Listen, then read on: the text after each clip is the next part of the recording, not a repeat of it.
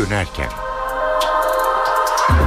İyi akşamlar ben Öykü Özdoğan eve dönerken haberlerde Türkiye ve dünyadan günün önemli gelişmeleriyle karşınızdayız. Saat 18 itibariyle öne çıkan haberlerin özetiyle başlayalım.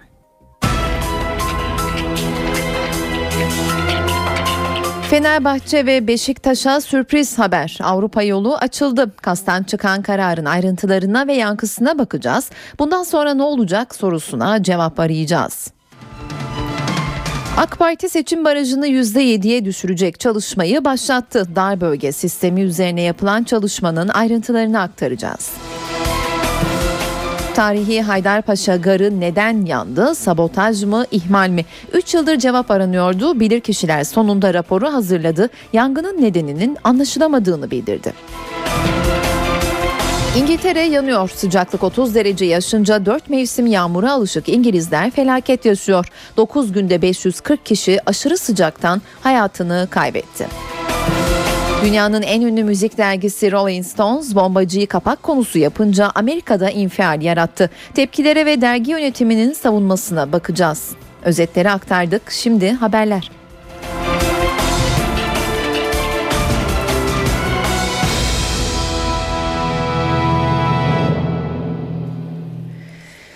Futbolda sürpriz haber. Uluslararası Spor Tahkim Mahkemesi KAS itirazları kabul etti, yürütmeyi durdurma kararı verdi. Böylece Beşiktaş ve Fenerbahçe'ye Avrupa yolu açıldı. Sarı lacivertliler Şampiyonlar Ligi Beşiktaş'ta UEFA Avrupa Ligi kura çekimine katılacak. Sürpriz kararın yorumlarına, yankısına geçmeden önce Fenerbahçe Başkanı Aziz Yıldırım'ın taraftarlarına müjdeli haberi Fenerbahçe televizyonunda nasıl verdiğini dinleyelim.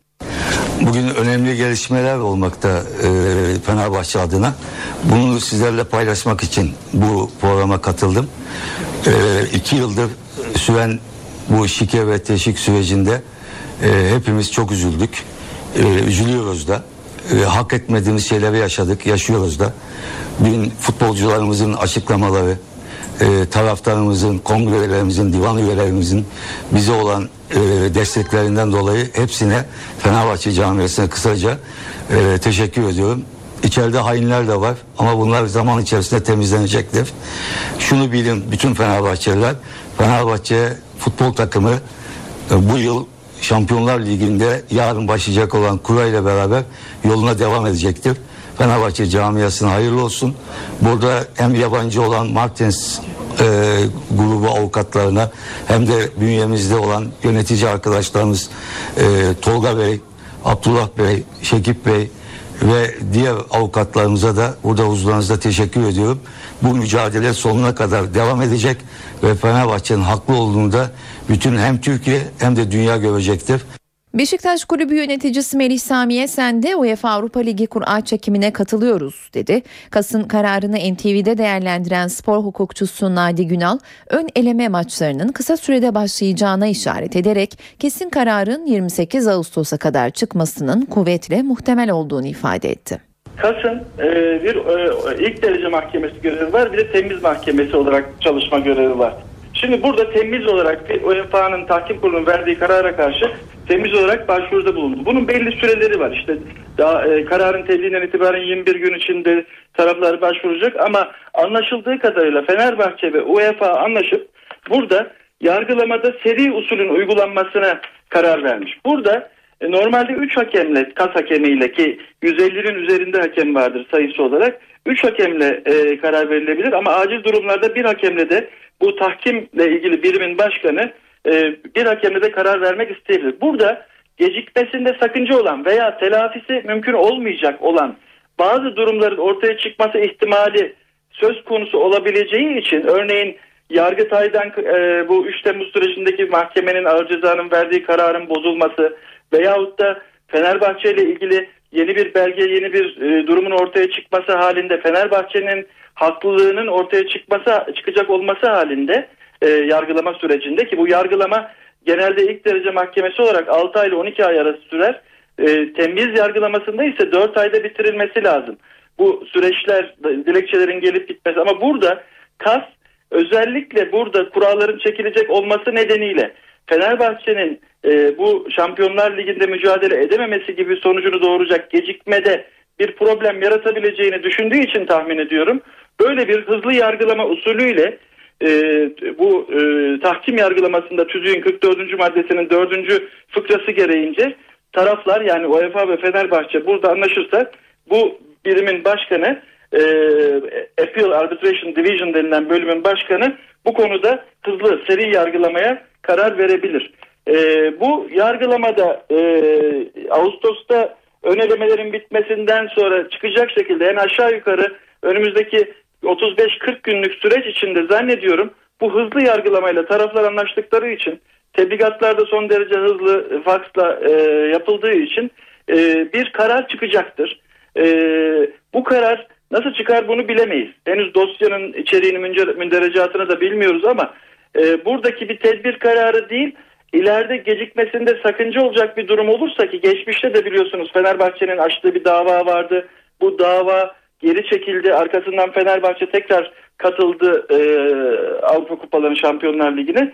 Bu durum gibi eğer Fenerbahçe'nin herhangi bir şekilde mahkemeden veyahut da kastan bu e, 4 aylık diyelim süreçte bir haklı ortaya çıkacak olursa maçlar kaçmış olacak. Bunu engellemek için taraflar da anlaşarak hızlı yargılama usulünü e, ön plana aldılar. Bu yargılama 4 ay sürmeyecek bu durumda anlaşıldığı gibi e, tarafların açıklaması ve kasın açıklamasından anladığımız kadarıyla e, en kısa sürede bir bir buçuk ay içinde bitirilecek.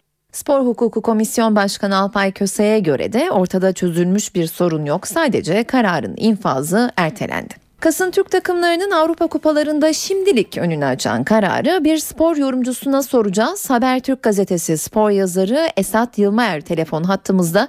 Sayın Yılmer yayınımıza hoş geldiniz.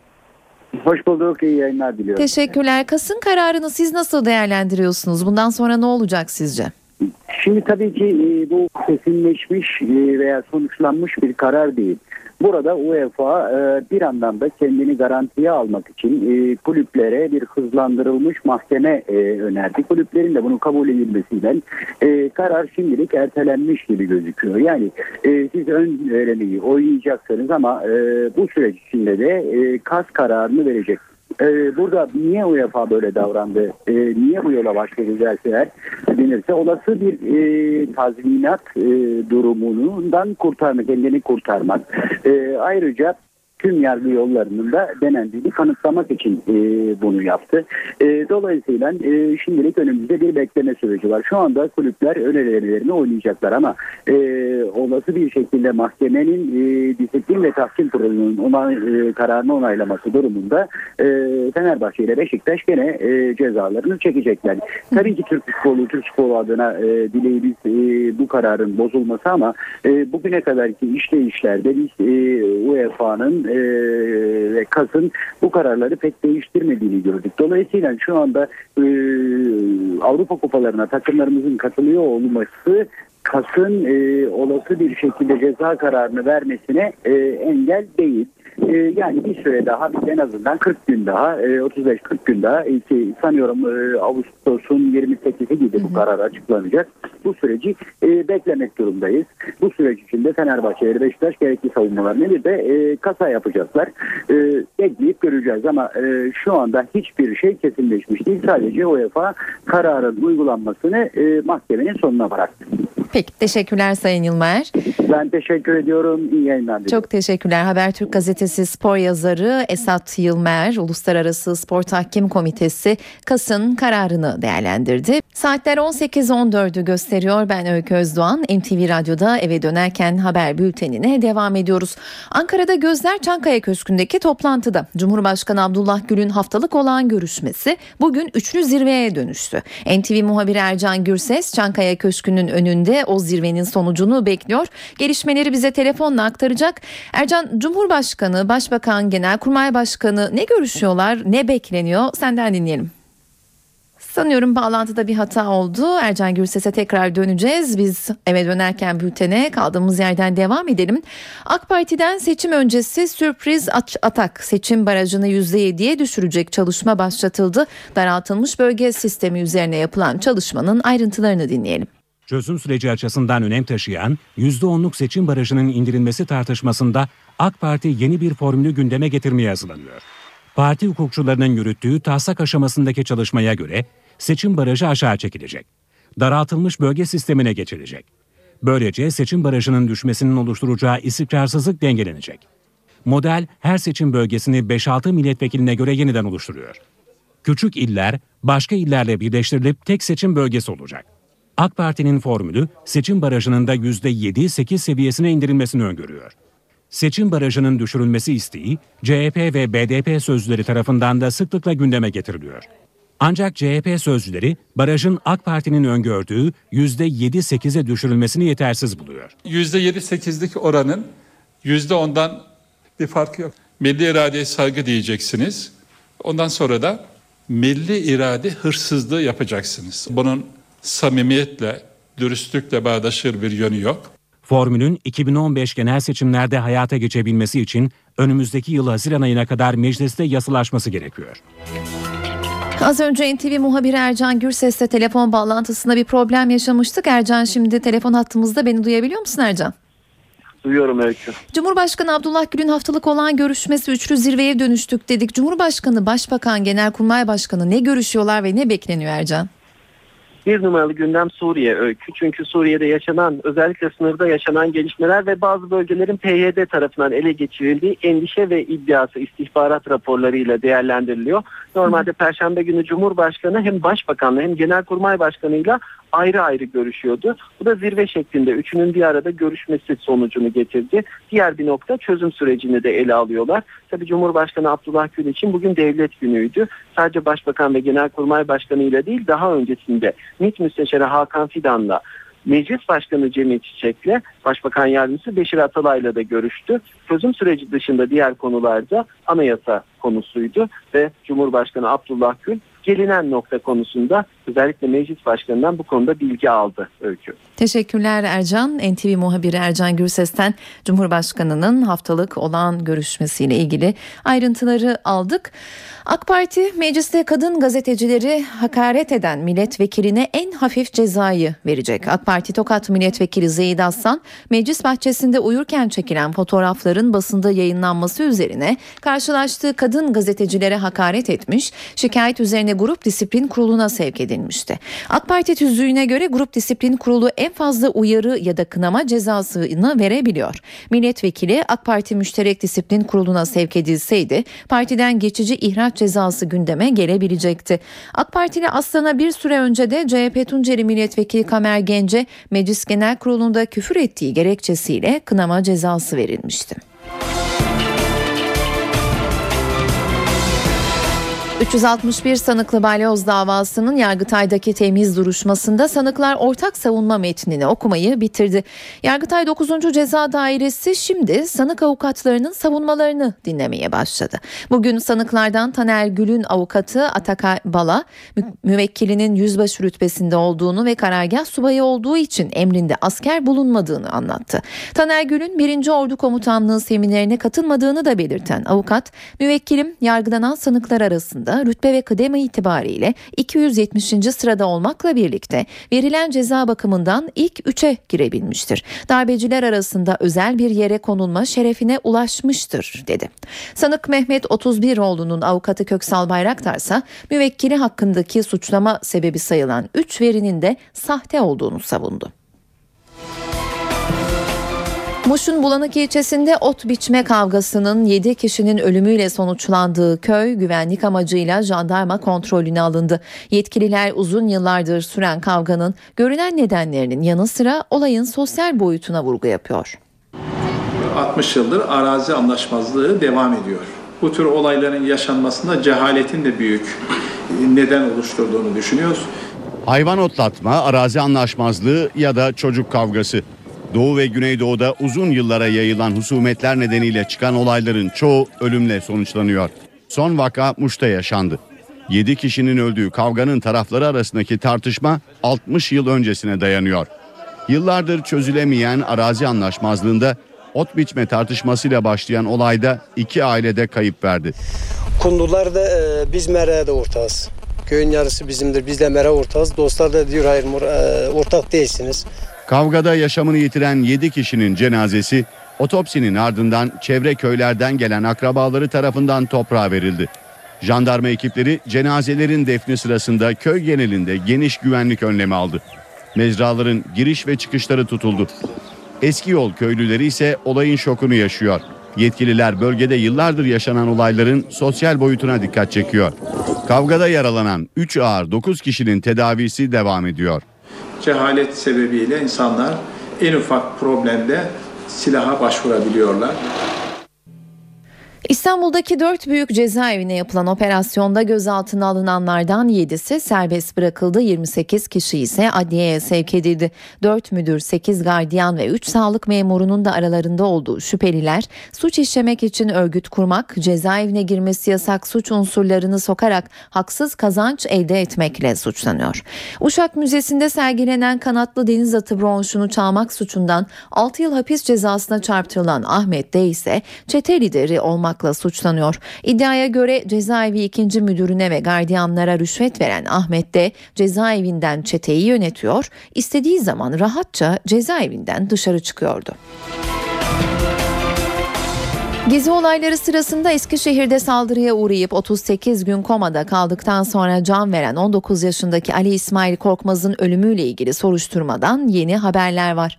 İçişleri Bakanlığı ve Emniyet Genel Müdürlüğü tarafından görevlendirilen müfettişler Eskişehir'de incelemeye başladı. Savcılıksa soruşturma kapsamında olay gecesi görev yapan polislerin ifadesine başvuracak. Göstericilere copla müdahale ederken görüntülenen sivil polisler de görgü tanıklarının teşhisine gösterilecek verilecek. Önceki gün savcılığa başvuran iki tanık Ali İsmail Korkmaz'a benzediğini iddia ettikleri bir gencin dövüldüğünü gördüklerini söylemişti. Bu arada savcı olayla ilgili gözaltına alınan otobüs şoförünün serbest bırakılmasına itirazda bulundu. Gazeteci Ahmet Altan'ın Uludere olayı ile ilgili yazdığı yazıda Başbakan Erdoğan'a hakaret ettiği gerekçesiyle yargılandığı davada karar verildi. 10. Asya Ceza Mahkemesi'nde görülen duruşmada avukat müvekkili Ahmet Altan'ın Uludere olayında kimin emir verdiğinin araştırılmasını savunan bir yazı kaleme aldığını savundu. Avukat olayda siyasi iktidarın sorumluluğunun bulunup bulunmadığının tespiti için de dosyanın bilirkişiye teslim edilmesini istedi. Mahkeme hakimi bu talepleri reddedildi reddederek gazeteci Ahmet Altan'ı başbakana basın yoluyla hakaret ettiği gerekçesiyle 11 ay 20 gün hapis cezasına çarptırdı. Hapis cezası 7 bin lira adli para cezasına çevrildi. Yüksek yargıda seçim tamamlandı. Danıştay'ın yeni başkanı sonunda belli oldu. Hüseyin Karakullukçu'nun 15 Haziran'da yaş haddinden emekliye ayrılmasıyla boşalan Danıştay Başkanlığı için seçim günlerde hiç aday çıkmaması nedeniyle yapılamamıştı. Sonunda bir aday çıktı ve Zerrin Güngör önce gerekli oy sağlanamasa da bugün seçilecek oyu topladı. Zerrin Güngör Danıştay'ın 3. kadın başkanı oldu.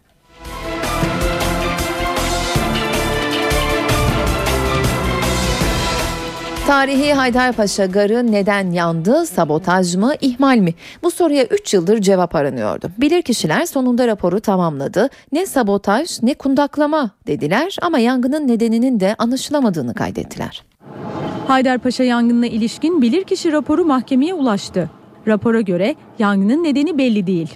Bilirkişi raporuna göre Haydarpaşa'da çıkan yangında bir kundaklama veya sabotaj ihtimali yok. Yangının çıkış nedeni net olarak belli olmasa da rapora göre iki ihtimal üzerinde duruluyor. Kasım 2010'da çatıda başlayan yangının sebebine ilişkin iki ihtimal üzerinde duruluyor. En güçlü ihtimal kolay yanıcı izolasyon malzemesinin aşırı ısınması. Diğeri ise işçilerin izolasyon malzemelerinin üzerine attığı söndürülmemiş izmaritler. Bilirkişinin hedef gösterdiği iki işçi hakkında olayın ardından taksirle yangına sebebiyet verme suçundan bir yıl hapis sistemiyle dava açılmıştı. Tadilatı yapan şirketin sahibi iki kişi de yine aynı sebepten yargılanıyor. Türkiye'de 5. yüz nakli ameliyatı Akdeniz Üniversitesi Hastanesi'nde gerçekleştirildi. Polonyalı bir turist Muğla'da boğularak can vermişti. Ailesi organlarını bağışlayınca 42 yaşındaki Polonyalı'nın yüzü ambulans uçakla Antalya'ya götürüldü. Ve Bursa'da bir yıldır yüz nakli bekleyen Recep Sert de Antalya'ya çağrıldı. Zamanda karşı yarış az önce tamamlandı. 42 yaşındaki Polonyalı turistin yüzü 7 saat süren operasyonla 27 yaşındaki Recep Sert'e nakledildi. Operasyonda sadece yüz dokusu değil yüz kemikleri, kaşları, burnu ve çene de nakledildi. Yüzü yenilenen Recep Sert Bursa'da dönerci ustası. 6 yıl önce elindeki tüfeğin ateş alması sonucu çenesinin üçte ikisini, burnunu ve sol gözünü kaybetmişti. Yaklaşık bir yıl önce yüz nakli operasyonu için başvuruda bulunmuştu. Van Gölü'nde martılar ölüyor. Bir süre önce Çarpanak ve Adır adalarına gelip yuva yapan martılar son günlerde peş peşe ölmeye başladı. Bir anda yüzlerce martı ölünce Milli Parklar Müdürlüğü ve akademisyenler devreye girdi. Adadan ve ölen martılardan numuneler alıp inceleme yaptılar. Herhangi bir hastalık bulunamadı. İlk yorumlar martıların aşırı sıcak ve açlıktan öldüğü yönünde. Şimdi hem ölümlerin nedenini ortaya çıkarmak hem de diğer martıların ölmesini engellemek için çalışmalar hızla sürüyor. Saat 18.31 ben Öykü Özdoğan eve dönerken haberlerde günün öne çıkan gelişmelerini aktarmaya devam ediyoruz. Sabancı suikastinin faili olarak aranan DHKPC'li İsmail Akkol'un Suriye'de bulunduğu iddia ediliyor. Milliyet gazetesinin haberine göre Sabancı Center'da 1996 yılında iş adamı Özdemir Sabancı, Haluk Görgün ve Nilgün Hasefe'yi öldüren 3 kişiden biri olan İsmail Akkol uzun süredir yaşadığı Yunanistan'dan Suriye'ye geçti. Akkol DHKPC'nin Suriye'de yeniden kurduğu kampa yerleşti. Suikastin ardından Fehriye Erdal'la yurt dışına kaçan İsmail Akkol, Interpol'ün kırmızı bülteniyle aranıyor. Gaziantep İslahiye'de bombalı saldırı son anda önlendi. Hatay Reyhanlı'da 52 kişinin can verdiği bombalı saldırının benzeri Antep İslahiye'de planlandı ancak istihbarat ve güvenlik güçlerinin çalışmaları sonucu bir Türk ve 4 Suriyeli bomba malzemeleriyle birlikte yakalandı. Gaziantep'in Islahiye ilçesinde 52 kişinin öldüğü Reyhanlı benzeri bir saldırının son anda önlendiği ortaya çıktı. Zaman gazetesinin haberine göre güvenlik birimleri Suriye İstihbarat Teşkilatı El Muhaberat'la irtibatlı bazı grupların Türkiye'de ses getirecek büyük bir eylem hazırlığında olduğu istihbaratını aldı. Suriye'den Türkiye'ye giriş yapan tüm araçlar takibe alındı. Bazı grupların Haziran ayında Hatay plakalı bir minibüsle eylem yapacağı ihbarı üzerine aracın plakasını belirleyen güvenlik güçleri şüpheli minibüsün Gaziantep'te olduğu bilgisine ulaştı. Mobese ve güvenlik kameraları aracılığıyla aracın yeri belirlendi. 19 Haziran gecesi operasyon düzenlendi ve aracın Türk şoförü MT ile birlikte Suriye uyruklu 4 kişi gözaltına alındı. Araçta ise bomba yapımında kullanılan malzemeler ele geçirildi. Emniyetteki sorgularının ardından Suriye uyruklu bir kişi serbest bırakılırken biri Türk 4 kişi tutuklanarak cezaevine gönderildi. Suriye sınırına bağlanacağız şimdi. Suriye'deki çatışmalardan Ceylanpınar'a düşen mermiler dün bir kişinin ölümüne yol açmıştı. Üç kişi de yaralı. NTV muhabiri Hasan Uylaş orada gelişmeleri gün boyu bize aktardı. Yaklaşık bir saat önceki bültenimizde de günün sakin geçtiğini ama son 10 dakikada çatışmaların yeniden başladığını, silah seslerinin arttığını anlatıp bu yüzden sınırdan uzaklaşıp güvenli bir noktaya çekildiklerini söylemişti. Peki son durum ne? Hasan Uylaş şu anda telefon hattımızda son durumu aktaracak. Hasan silah sesleri devam ediyor mu? Son haberleri alalım senden.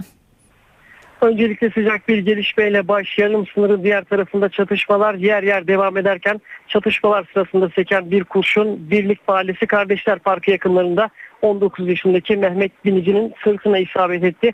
Binici önce Ceylanpınar Devlet Hastanesi'nde tedavisini yapıldı ardından da Şanlıurfa'ya sevk edildi. Yani e, sınırın diğer tarafında çatışmalardan çeken bir kurşun Ceylanpınar'da bir kişinin daha yaralanmasına neden oldu. PYD güçleriyle Özgür Suriye ordusuna bağlı Endüstri güçleri arasında çatışmalar 3. gününe girdi. Resulayn'ın büyük bir bölümü PYD kontrolüne geçmiş durumda. Sınırın diğer tarafında Resulayn'ın 400 metre kuzeyindeki Tel Halef bölgesinde çatışmalar devam ediyor. Sınırın sıfır noktasında güvenlik tedbirleri artırılmış durumda. Asker askeri e, zırhlı araçlarla sıfır noktasında devriye görevi yapıyor. Sivillerin sınır hattına yaklaşmasına geçişine izin verilmiyor. Belediye'den de dün olduğu gibi bugün de gün boyu anonslar devam etti. İhtiyaç olmadıkça dışarıya çıkmayın anonsu yapılıyor. Az önce de söylemiştim sınırın diğer tarafında Resulayn'da Tel Helef bölgesinde çatışmalar devam ediyor. Hasan teşekkürler. NTV muhabiri Hasan Uylaş Suriye sınırındaki son durumu aktardı.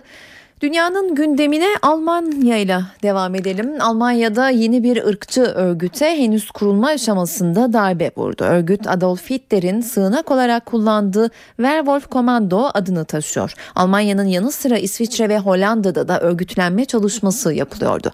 Alman Federal Başsavcılığı örgütün 11 üyesini belirledi, ev ve iş yerlerine baskın yaptı. Yazışmaları ve şifrelerini ele geçirdi. Örgütün liderinin geçen Mayıs ayında Zürih'te bir Afrikalı sığınmacıyı vurdu vurduktan sonra Hamburg'da yakalandığı belirlendi. Yunanistan parlamentosu halkı sokağa döken yeni tasarruf paketini onayladı. Gece yarısına kadar süren görüşmelerde tasarı 145'e karşı 153 oyla kabul edildi. Buna göre bir yıl içinde tam 25 bin memurun işine son verilecek. Ve yeni bir vergi sistemine de geçilecek Yunanistan'da tasarı IMF ve Avrupa Birliği'nin Yunanistan'a maddi yardımların sürmesi için koyduğu şartlardan biriydi. Güney Afrika'nın efsanevi lideri Nelson Mandela bugün hasta yatağında 95. yaş gününü kutluyor. Akciğer enfeksiyonu nedeniyle 8 Haziran'dan beri hastanede tutulan Mandela'nın sağlık durumu kritik. Ama yavaş da olsa iyileşme belirtileri var. Nelson Mandela'nın kızı babasının kulaklıkla televizyon izleyebildiğini, gözü ve elleriyle iletişim kurabildiğini söyledi. Efsanevi liderin doğum günü nedeniyle Güney Afrika'da kutlamalar yapılıyor. Tüm okullarda milyonlarca öğrenci doğum günü şarkısı söyleyerek güne başladı. 1918'de doğan Mandela hayatını Güney Afrika'da ırkçı apartheid rejiminin sona ermesine adamış ve 27 yıl hapis yatmıştı. Mandela 1994'te ülkenin ilk siyahi devlet başkanı olmuştu. Rolling Stones müzik dergisi son sayısının kapağına Boston'daki maraton bombasını alınca tüm dünyada infial yarattı. Tepkileri ve Rolling Stones dergisinin yönetiminin açıklamalarını dinliyoruz. Amerika'da tanınmış gençlik dergisinin Boston'daki maraton bombacısını kapağına taşıması infiale yol açtı. 19 yaşındaki Johar Çarneyev'i kapağına taşıyan Rolling Stone dergisine başta Boston olmak üzere Amerika'nın dört bir yanından tepki yağıyor. Neden bu adamı kahramanlaştırıyorlar? Sonuçta bu adam terörist. Onu bir ödül töreninde ya da dergi kapağında görmek istemiyoruz. Tepkiler üzerine açıklama yapan dergi yönetimi bombalama kurbanlarına başsağlığı diledi ve zanlı Çarneyev'in hedef kitleleriyle aynı yaş grubunda biri olduğunu hatırlattı. Rolling Stone, zanlının ailesi ve arkadaşlarıyla iki ay süren röportajlar yapıldığını ve Amerikalı bir gencin radikal eğilimlere nasıl kapıldığına dair ciddi bir haber hazırladıklarını söyledi. Derginin kapağı ortaya çıktıktan sonra sosyal medya üzerinden zanlı Çarneyev'e destek mesajları yağdı. Öte yandan Amerika Birleşik Devletleri'ndeki birçok süpermarket zinciri yarın dağıtımına başlanacak dergiyi satmayacaklarını duyurdu. 15 Nisan'da 3 kişinin öldüğü maraton saldırısından sonra düzenlenen operasyonda Johar Çarneyev yaralı, abi ise ölü ele geçirilmişti. Geçtiğimiz günlerde hakim karşısına çıkan zanlı kendisine yöneltilen suçlamaları kabul etmemişti. İngiltere'ye geçiyoruz. Hemen her mevsim yağmurlu ve bulutlu İngiltere bugünlerde aşırı sıcaklar nedeniyle felaket yaşıyor. Son 9 günde 540 kişi öldü. Yetkililer bilançonun daha da ağırlaşmaması için hasta ve çocuklara evden çıkmamaları uyarısı yapıyor. İngiltere pek de alışık olmadığı sıcak hava dalgasıyla mücadele ediyor. Sıcaklar yaklaşık 2 haftadır özellikle başkent Londra ve ülkenin güneyinde etkili. Faturası ise ağır. Son yılların en sıcak günleri yüzlerce can almış durumda. Gelecek hafta sonuna kadar etkili olması beklenen sıcaklar nedeniyle ölü sayısının artmasından endişe duyuluyor. Londra ve ülkenin güneyinde hava sıcaklığı 6 gün boyunca 30 dereceyi aşınca yetkililer sağlık uyarısı yaptı. Çocuklar, yaşlılar ve kronik hastalıkları olanlar dikkatli olmaları konusunda uyarıldı. Hastaneler de alarm durumunda. Ancak sıcağın tadını çıkaranlar da var. Güneşe sahip olmak, havanın kapalı olmaması gerçekten güzel. Sıcaklar ulaşımı da etkiledi. Bazı rayların sıcak hava nedeniyle eğrilmesi Londra'da demiryolu ulaşımında aksamalara neden oldu. Türkiye'deki hava durumuna geçelim. Her zaman olduğu gibi son hava tahminlerini NTV Meteoroloji Editörü Gökhan Abur'dan dinliyoruz. İyi akşamlar. Yarın Ege'de sıcaklıklar yükselirken Marmara ve iç kesimlerde hava yine serin olacak. Hafta sonu yurt genelinde sıcaklıklar yeniden yükseliyor. Pazartesi günü ise Marmara ve Batı Karadeniz sıcaklıkların yeniden 2-3 derece azalmasını bekliyoruz. Yarın Trabzon, Rize, Artvin arasında daha kuvvetli olmak üzere Orta ve Doğu Karadeniz'de yağış var. Ayrıca Erzurum, Kars, Ardahan arasında yerel yağışlar görülecek. Adana civarında da bulutlanma artacak. Cumartesi günü yurt genelinde sıcaklıklar yükselirken yağışlar da etkisini giderek kaybedecek. Pazar günü Rize, Artvin, Ardahan arasında yerel yağışlar görülürken akşam saatlerinde Marmara'nın kuzey kesimler bulutlanmanın artmasını bekliyoruz. İstanbul'da şu anda hava oldukça bulutlu ve hafif yağış geçişleri bekliyoruz. Poyraz yarın da sert esmeye devam edecek. Hava genellikle parçalı bulutlu olacak. Sıcaklık gün içinde 29 gece sıcaklığı ise 23 derece olacak. Ankara'da yarın hava açacak ve sıcaklık 30 dereceye kadar çıkıyor. Gece ise 16 derece olacak. İzmir'de sıcaklık yükseliyor, hava güneşli, sıcaklık ise 34 derece olacak. Rüzgar çeşmeden sert eserken gece sıcaklığı 23 derece civarında. Hepinize iyi akşamlar diliyorum. Hoşçakalın. Türkiye dünyanın uluslararası boyutta en çok yardımda bulunan dördüncü ülkesi. Sıralamayı Kalkınma İnisiyatifleri adlı kuruluş yaptı. İşte ayrıntılar. Türkiye en fazla uluslararası yardımda bulunan dördüncü ülke. Bu tespit Kalkınma İnisiyatifleri adlı kuruluşun hazırladığı küresel insani yardım raporunda yer alıyor. Rapora göre mali kriz nedeniyle bazı ülkeler insani yardımlarını kısarken Türkiye bu miktarı giderek artırdı. Türkiye, uluslararası yardım bağışında bulunan ülkeler listesinde Amerika Birleşik Devletleri, Avrupa Birliği ve İngiltere'nin ardından dördüncü sıraya yerleşti. Türkiye 2012'de insani yardım bütçesini neredeyse ikiye katlayarak 1 milyar dolarlık yardımda bulundu. Yardımların büyük bölümünün Suriyeli mültecilerin barınması için harcandığı tahmin ediliyor. Ankara aynı zamanda Somali, Irak ve Pakistan gibi ülkelere de her zamankinden daha fazla para yardımında bulundu. Türkiye'nin yardım ettiği diğer ülkeler arasında Libya, Sudan, Haiti ve Afganistan da var. Darphane'de grev 11. güne girdi. Darphane işçileri grevi politik olarak nitelendiren Çalışma Bakanı'na tepkili. Yaklaşık 1500 lira olan maaşlarının 2000 liraya çıkarılmasını isteyen darphane işçileri talepleri karşılanıncaya kadar grevde ısrarlı. Sırada ekonomi notları var. Bugün para ve sermaye piyasalarında neler olduğuna bakalım. CNBC'den Enis Şener'de mi dinliyoruz? İyi akşamlar. Dün ABD Merkez Bankası Fed'in başkanı Bernanke'nin açıklamalarıyla destek bulan piyasalar bugün soluklanma halindeydi. BIST 100 endeksi günü yatay bir bantta geçirdikten sonra 77 bin seviyesinden kapandı. Dolar TL'de ise hafif de olsa yükseliş vardı. Kur 1.92 ona yükselerek gün tamamladı. Dün dolar TL'nin 1.91'in altını test ettiğini görmüştük. Tahvil piyasası da görece yatay bir günü geride bıraktı ve gösterge tahvilin faizi %8.85'ten kapandı. Analistler bundan sonrası için en önemli gelişmenin gelecek hafta salı günü gerçekleşecek olan Merkez Bankası faiz toplantısı olduğu görüşünde. Merkez Bankası Başkanı Erdem Başçı, pazartesi günü yaptığı yazılı bir açıklamada faiz koridorunda ölçülü bir adımın sinyalini vererek TL'yi desteklemişti. Şimdi piyasalar Merkez Bankası'nın ölçülü kavramının ne boyutta olduğunu görmek için bekliyor. Yurt dışında da görece yatay bir tablo vardı. Avrupa borsalarında genel yön yukarı olsa da bu yükselişler sınırlıydı. Euro dolar ise sıkışık bant hareketine devam etti. Bültenimizde birinci haber olarak aktardık. Fenerbahçe ve Beşiktaş hakkındaki karar güne damgasını vurdu dedik. Sırada diğer gelişmelerle spor bülteni var. Beşiktaş ve Fenerbahçe Avrupa yolu açıldı. Sırlançvertiler Şampiyonlar Ligi Beşiktaş'ta UEFA Avrupa Ligi Kur'an çekimine katılacak. Fenerbahçe TV'nin canlı yayınına çıkan Fenerbahçe Başkanı Aziz Yıldırım müjdeli haberi Sırlançverti camiaya verdi. Başkan Yıldırım Fenerbahçe futbol takımı bu yıl Şampiyonlar Ligi'nde yarın başlayacak olan kura ile beraber yoluna devam edecektir açıklamasında bulundu. Fenerbahçe'nin ardından Beşiktaş kulübünden de açıklama geldi. Yönetici Melih Sami Esen UEFA Avrupa Ligi Kur'an çekimine katılıyoruz dedi. Yeni sezon hazırlıklarına Topuk Yaylası'ndaki tesislerle devam eden Fenerbahçe'de Christian Baroni kameraların karşısına geçti. Brezilyalı oyuncu federasyonun yabancı kuralı ile ilgili görüşlerini paylaştı. Fenerbahçe'nin Brezilyalı futbolcusu Christian Baroni Futbol Federasyonu'nun yabancı kuralıyla ilgili görüşlerini paylaştı. Bizim için önemli olan Fenerbahçe'yi şampiyonluğa taşımak. Kimin sahada olup olmadığı önemli değil. Federasyonun aldığı bu karar takım içi rekabet açısından faydalı oldu. Bizim görevimiz sahada olduğumuz zaman en iyisini yapabilmek. Bazen tribünlerden tepkiler de alıyoruz ancak kimse devamlı iyi oynayamaz. Önemli olan kötüyü en aza indirebilmek. Brezilyalı oyuncu Aykut Kocaman da Ersun Yanal'ı karşılaştırmanın doğru bir yaklaşım olmadığını söyledi. Ben karşılaştırma yapmayı sevmiyorum çünkü her hocanın kendine göre bir çalışma stili var. Aykut Hoca çok iyi bir takım bıraktı. İyi işler başardı. Şimdi farklı bir hocayla çalışıyoruz. İdmanlarda limitlerimizi zorluyoruz. Bu da bize farklı bir özgüven ve motivasyon veriyor. Bu da takım için iyi oluyor. Fenerbahçe'de çok mutlu olduğunu vurgulayan Brezilyalı oyuncu sözleşmesi sona erene kadar kulüpte kalmak istediğini dile getirdi.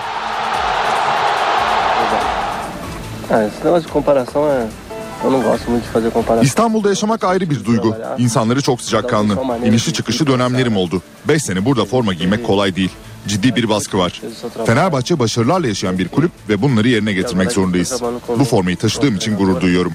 2015'e kadar kontratım var ve burada kalmak istiyorum. Ancak benle çalışılmak istenmediği durumda ayrılmayı düşünebilirim.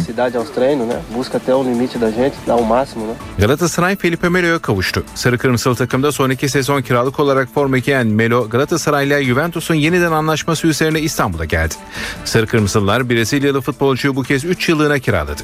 Galatasaray Melo için Juventus'a 3 yıllık kiralama bedeli olarak 3,5 milyon euro ödeyecek. 30 yaşındaki deneyimli futbolcu Galatasaray'ın Florya'da yapacağı çalışmaya katılacak. Avrupa mesaisine ilk başlayan temsilcimiz Trabzonspor olacak. Bordo Maviller bugün UEFA Avrupa Ligi ikinci ön eleme turunda İrlanda'nın Derry City takımını konuk edecek. Trabzonspor Derry City karşısında avantaj için sahaya çıkacak. Derry City maçı Bordo Mavili kulüpte göreve gelen yeni yönetim ve teknik direktör Mustafa Akşay'ın ilk resmi karşılaşması olacak. Hüseyin Avni Aker stadında 21.30'a başlayacak karşılaşmayı Kazakistan Futbol Federasyonu'ndan Artyom Kuchin yönetecek. Süper Lig kulüpleri yeni dönem için yarın bir araya gelecek. Kulüpler Birliği Vakfı'nın yeni başkanı Ankara'daki toplantıda seçilecek. Seçimde olan genel kurul yarın vakfın Ankara Balgat'taki merkezinde saat 14'te başlayacak. Genel kurulda Halil Ünal'dan boşalan başkanlık koltuğunun yeni ismi belirlenecek. Kulüpler Birliği Vakfı olan genel kurulunda 18 Spor Toto Süper Lig kulübünün temsilcisi oy kullanacak. Oylama sonrasında vakıf 7. başkanını seçecek. Vakfın onursal başkanı İlhan Cavcav toplantı öncesi bir açıklama yaparak Kulüpler Birliği Başkanı'nın Anadolu Anadolu'dan çıkması gerektiğini belirterek tercihinin Kayseri Spor Kulübü Başkanı Recep Mamur olduğunu söylemişti. 2000 yılında kurulan Kulüpler Birliği Vakfı'nda sırasıyla İlhan Çavçav, Cemal Aydın, Özhan Can Aydın, Aziz Yıldırım, Yıldırım Demirören ve Halil Ünal başkanlık görevini yürütmüştü. Türkiye Futbol Federasyonu'nun 6 artı 0 artı 4 olarak belirlediği yabancı oyuncu kontenjanının da genel kurulda görüşülmesi bekleniyor. Sırada kültür ve sanat dünyasından haberler var. Bugün nerede hangi etkinlikler var bir derleme sunalım. Caz Festivali bu akşam ustalarla buluşma etkinliğiyle devam ediyor. Yıldız Sarayı Hasbahçe'deki konserde caz ve klasik Ermeni müziğini birleştiren Suriyeli sanatçı Lena Çamamyan, Balkan şarkıları ve klasik Türk müziği eserlerine yaptığı düzenlemelerle tanınan piyanist Tulu Tırpan'ın üçlüsü, cellist Özer Arkun ve kanun virtüözü Göksel Baktagir bir araya geliyor. Ustalarla buluşma performansı saat 21.30'da başlıyor. Harbiye Cemi Topuzlu açık hava sahnesinde bu akşam Candan Erçetin konseri dinlenebilir. Erçetin Yıldızlı Geceler kapsamında hayranlarıyla saat 21.30'da buluşuyor. Sapan'da Beyoğlu Hayal Kahvesi'nde olacak bugün. Gitar ve vokalde Baykal Ada, basta Cihan Deniz ve davulda Hikmet Altın Yıldız'ın yer aldığı topluluk Türkçe, İngilizce ve Fransızca şarkılarla müzikseverlerin karşısında olacak. Indie tarzındaki şarkıları seslendirdikleri performanslarına saat 22.30'da başlıyor grup. İzmir'den de bir önerimiz olacak. Cem Adrian, Bostanlı Suat Taşer Açık Hava Tiyatrosu'na konuk oluyor bu akşam. Adrian sevilen şarkılarını seslendireceği konserine saat 21'de başlıyor. Bu akşam evdeyseniz CNBC'de Training Day adlı film izlenebilir. Filmin başrollerini Denzel Washington ve Ethan Hawke paylaşıyor. Los Angeles Polis Teşkilatı'nda narkotik büroda kariyer sahibi olmak isteyen çaylak polis memuru Jack Hoyt'la meslekte tecrübe kazanmış ve suçlular dünyasıyla karmaşık ilişkileri olan Alonzo Harris'in ortak olmasıyla yaşananlar anlatılıyor filmde. Filmin başlama saati 22. Öncesinde ise saat 21'de Revolution ekranda olacak.